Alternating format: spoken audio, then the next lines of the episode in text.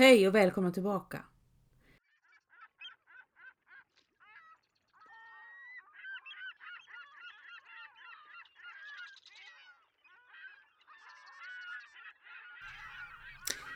I Vasas sjätte kvarter bor skepparen Anders Slöge tillsammans med sin hustru Katarina Holmström.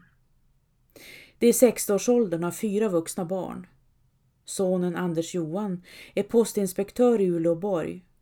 Sonen Jakob försvann ute till havs för många år sedan och påstås nu vistas i Karibien. Sonen Karl Fredrik är utlärd skomakare och arbetar i Umeå och dottern Anna-Kajsa, 30 år, är ogift och bosatt hemma hos föräldrarna.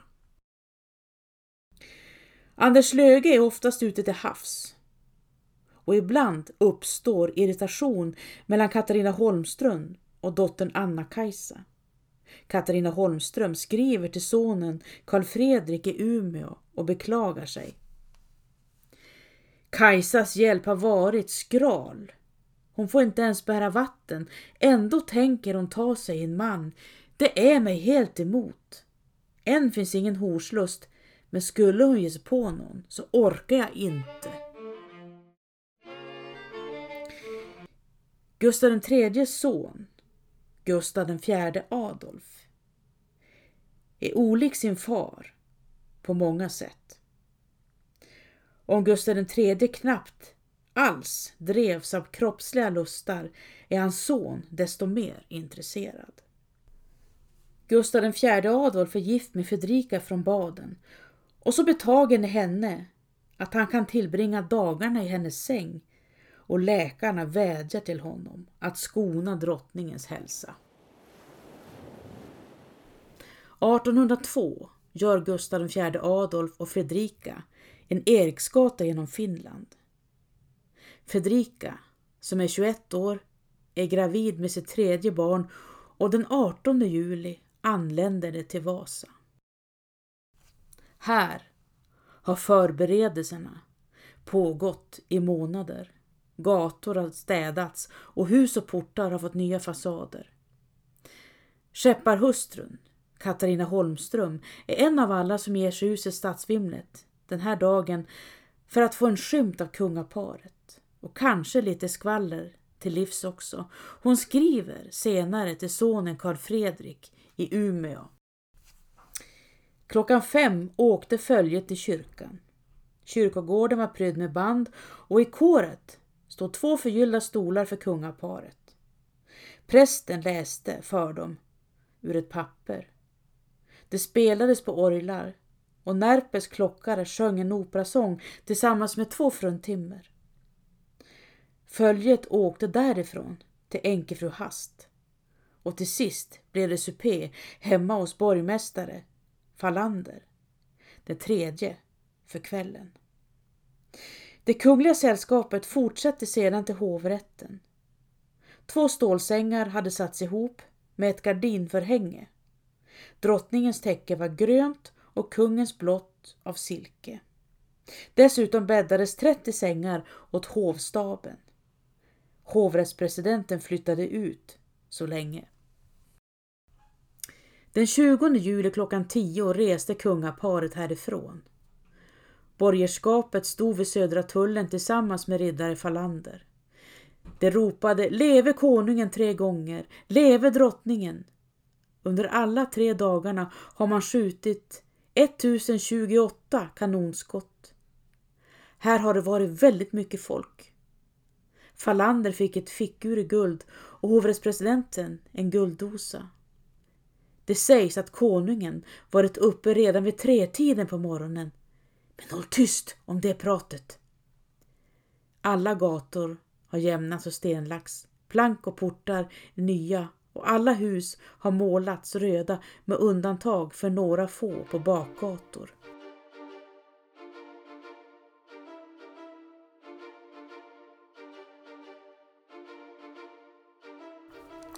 Jag besöker Vasa långt senare i jakten på familjen Slöge.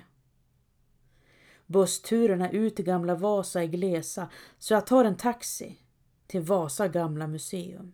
När jag kliver ner för en liten trappa som leder receptionen möts jag av två bleka och förvånade ansikten. En tjej och en kille, museets personal, blir så överrumplade över att det kommer en besökare att de tappar hakorna. En stor paj snurrar i mikron och kaffet är framdukat. Först tror jag inte att jag ska bli insläppt, men visst får jag komma in. På övervåningen står ett bord dukat till fest. Det är en rekonstruktion av middagsbordet den 19 juli 1802 när Gustav IV Adolf och drottning Fredrika besökte Abraham Falanders hus. Just det här huset. Tänk ändå vad tiden går, viskar Sancho Panza. Om maten legat framme sedan dess hade det säkert passerat sitt absoluta bäst före-datum redan. Don Quixote stirrar oförstående tillbaka, men börjar sedan skratta. Haha, perkele heller! Då smiter vi hellre ner till receptionen och smussar åt oss en bit paj ur mikron.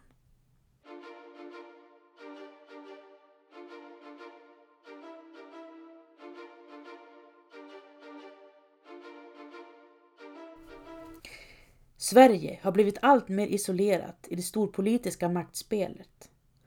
1807 förbinder sig ryske tsaren Alexander att anfalla Sverige om inte Sverige bryter med Storbritannien och går med i Napoleons kontinentalblockad.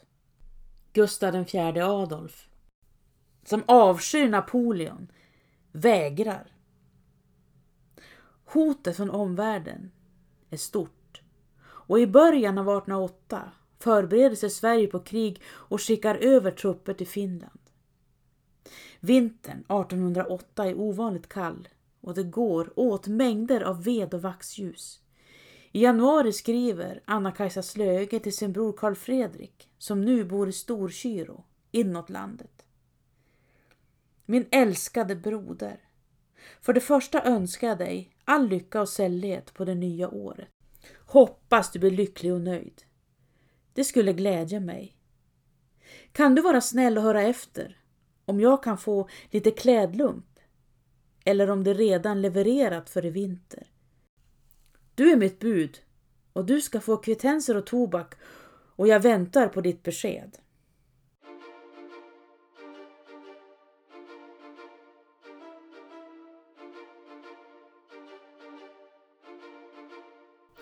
En månad senare korsar ryska soldater gränsen in i Finland utan krigsförklaring.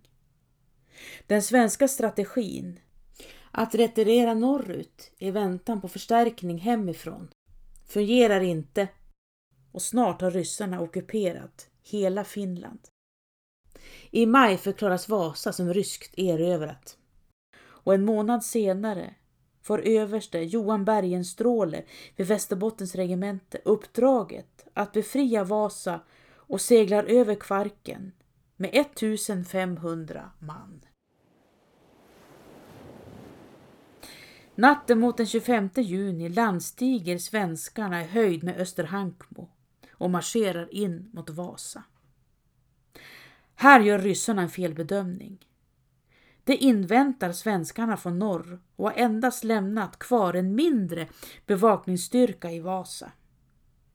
Samtidigt kliver svenskarna in genom Östra tullen och framme vid Köpmansgatan öppnas eld.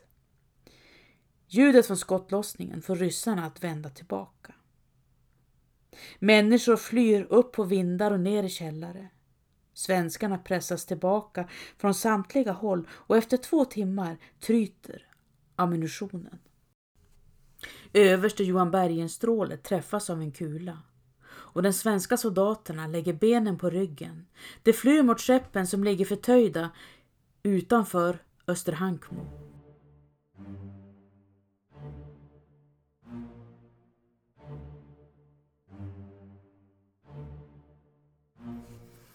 Efteråt ligger 400 soldater döda på gatorna, de flesta ryssar. Vasabornas vapen är redan konfiskerade men ryssarna misstänker att Vasaborna försökt hjälpa svenskarna och iscensätter en gruvlig hämnd. Soldaterna delar in sig i mindre hopar och sprider ut sig i staden. De skjuter skarpt genom fönster och stormar husen med dragna bajonetter. Ämbetsmän visiteras in på bara kroppen. Hovrättshuset muddras och ett par bostäder skövlas och bränns upprepade gånger. Bland annat postinspektör Sjölins, fältskär Ebeling och apotekare Kansaus. Samma dag dödas tolv människor. Gamla arbetskaren Mats Boman huggs ihjäl med en yxa när han är på hemväg efter arbetet och änkan Katarina Backman dödas när hon korsar gatan över till snickare Fridals hus vid Stora Långgatan. Förre arbetaren Thomas Lindström, 76 år, dör av förskräckelse över grym framfart vid stadens plundring. Och pigan Anna Susanna Nordmark avlider när hon träffas av ett skott inne i skräddare Gumneus fönster vid Östra Långgatan. Det första offret blev skomakaren Anders Sundberg.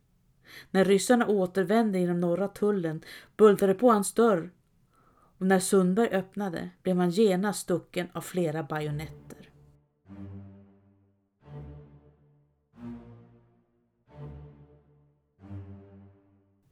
De ryska generalmajorerna Kniper och Demidov rider av och an längs Vasas gator utan att lägga sig i soldaternas framfart. De lyfter inte ett finger mot plundringen utan tvärtom ropar Demidov Dobra harasho! Gott så! till alla som ber om nåd och hjälp. Affären var till ryska arméns fullkomliga fördel, skriver Jonas Högman efteråt.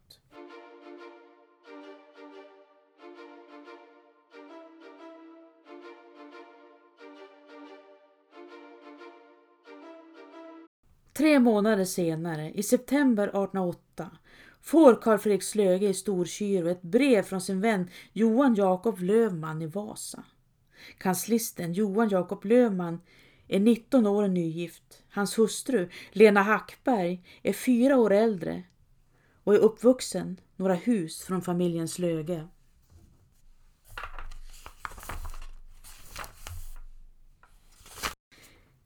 Älskade vän och broder. O, oh, hur lycklig är jag inte över att vara frisk igen. Hälsan är en gåva från den högsta allmakten. Trots det är jag så besvärad att jag måste skriva några rader till dig, du min enda kvarvarande vän här på jorden. Åh, käre bror, om jag ändå lytt ditt råd och inte gift mig. Äktenskapet prövar mig hårt. Tänk dig att ständigt leva i bråk och osämja, att hela tiden gå omkring och vara förbannad, att både vara husbonde och matmor på samma gång, att se dagarna passera utan att hushållsarbetet blir ordentligt gjort. Ibland känner jag mig så nedslagen av dåligt sällskap att jag blir sjuk, men jag måste tåligt bära mitt kors. Att ta i på skarpen hjälper inte heller. Det har jag försökt, utan att lyckas. Men kanske förändras min hustru med tiden när hon blir äldre och tuktas av åren. Jag är ändå nöjd. Jag straffas visserligen av den högste, men kanske är det välförtjänt. Broder, jag har blivit gammal i förtid. Jag är inte längre densamma utan en gubbe, även om jag fortfarande är ung till åren. När du sist reste från Vasa låg jag sjuk i två veckor, men nu mår jag lite bättre, trots att bröstsjukan fortfarande besvärar mig.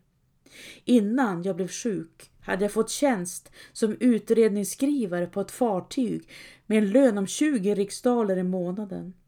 Men när de svenska trupperna reste avseglade också det fartyget. Jag vågade inte följa med eftersom jag var sjuk så jag tvingades avsäga mig ett så förmånligt arbete. Om jag gett mig ut på sjön i det här kalla och regniga höstvädret hade mitt liv snart varit slut. Landshövding Vanbergs hela hushåll och Sabell har rest till Stockholm. Ack så galna det är som flyr. Om du skriver till mig, så nämn ingenting av det jag anförtrott dig ifall brevet skulle hamna i orätta händer. Hur som helst är allt jag skrivit galenskap, så fort över till nyttigare ämnen.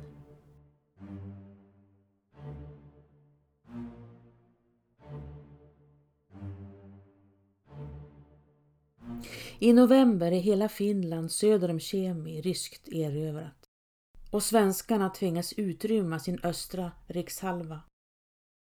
Fältkamrer Christian Fredrik Strömberg skriver i sin krigsredogörelse måste uppbryta från Uleåborg klockan fyra eftermiddag och hade nu åtminstone det usla trösten i vår bedrövelse att under denna 14 och en halv mil långa väg slippa bliva jagade av fienden. Dagen efter marscherar kosackerna in i Uleåborg. Det är stilla och tyst i staden och få vistas utomhus. Svenskarna står läger bortom Torne älv och major Sten Sture skriver hem till sin hustru. Så länge jag har den glädjen och hälsan hoppas jag att mitt humör ska stå bi och jag med ståndaktighet ser slutet på detta elände fast det ej är mer än två och en halv timmes dag i Tornio och några och trettio graders köld. Om vi ändå fick ligga i staden, men det blev ej av vår station, utan vi får naturligtvis övernatta i Pörten. Annat lär inte finnas där. Fältkamrer Christian Strömbergs noterar i sin dagbok tre dagar efter uppbrottet från Uleåborg. Uppbröt före dagningen mot Kemi. Då vi hunnit till gränsen mellan Finland och Sverige, vid Kukama, uppgick solen majestätiskt vid horisonten av havet. Vi ställde oss på en höjd för att ännu en gång med smärtade känslor som ej kan beskrivas, avskedets tår, åt vårt älskade Finland.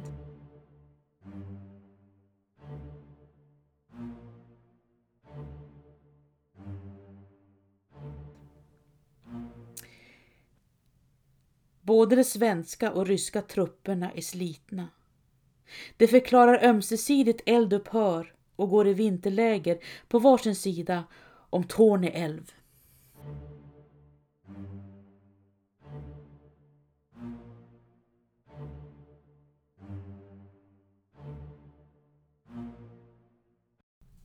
I mars återupptas striderna och ryssarna anfaller Sverige från flera olika håll, från norr ner mot Umeå och från öster över Åland.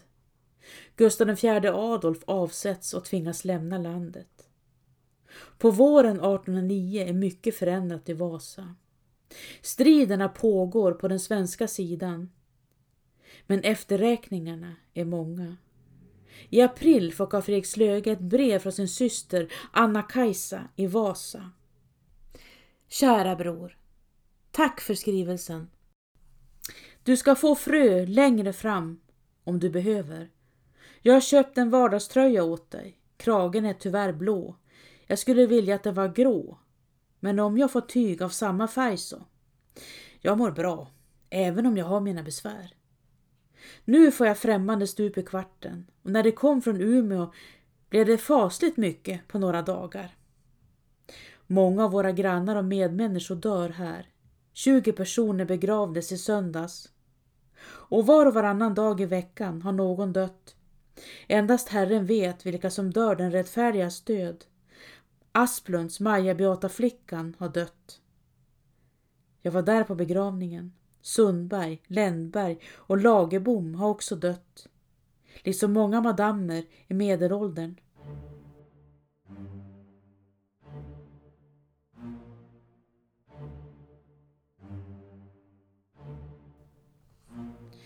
Det är sorgens tid. Men livet börjar ändå återgå så smått till normala igen. Rysslands överbefälhavare Friedrich Wilhelm von Boxhofen meddelar att marknaderna ska hållas som vanligt i Österbotten under året. Samtidigt som striderna fortsätter på den svenska sidan öppnas Alexander lantdagarna i Borgå och hans regeringsförsäkran läses upp på svenska. Medan kriget drar sina sista suckar påbörjas den civila processen.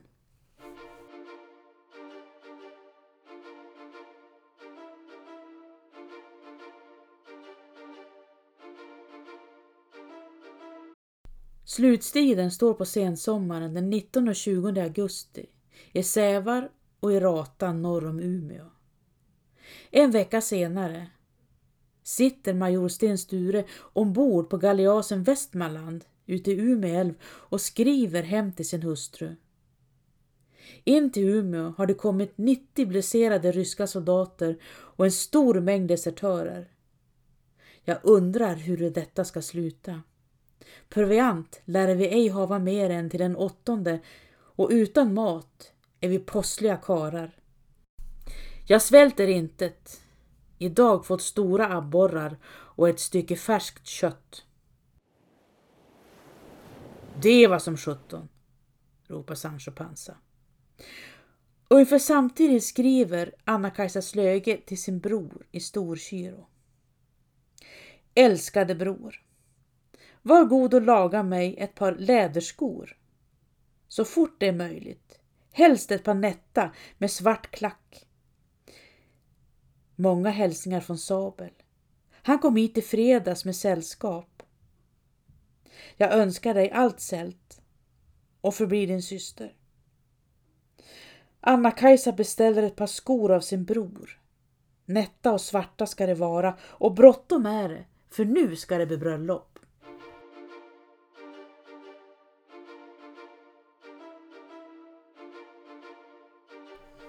Nöjda? frågar Anna-Kajsa Slöge.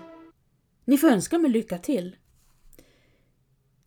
I oktober vigs mamsell Anna-Kajsa Slöge och polismannen Jakob Sabel i Vasa. Samma dag som general Georg von Döben samlar de finska soldaterna för avsked på Umeå torg. Under hösten dryftar sockenmännen i Storkyrå hur de bäst ska försörja alla barn som blivit föräldralösa under kriget.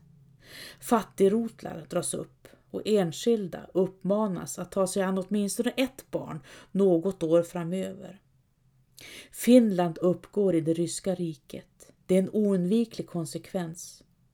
Men avsikten är att övergången ska bli så smidig som möjligt och att lagar och andra samhällsfunktioner förblir intakta. Anna-Kajsa Slöge är gravid. Hon fyller 39 år i november 1809 och i slutet av augusti året efter föder hon tvillingar, en pojke den 25 och en flicka dagen efter. Förlossningen blir svår och barnmorskan fru Sundberg kallar på provinsialläkaren doktor Hast. Efter fyra dygn är det över. Både barnen och Anna-Kajsa är döda. Bara en sak till. Johan Jakob Lömans hustru Britta var redan gravid när Johan Jakob skrev brevet och beklagade sig inför Karl Fredrik Slöge i september 1808. Efter kriget flyttade till Vörå och Johan Jakob får arbete som länsman. I april föder hustrun en dödfödd son. Johan Jakob Löman avlider av sin lungsot i mars 1813, 23 år gammal.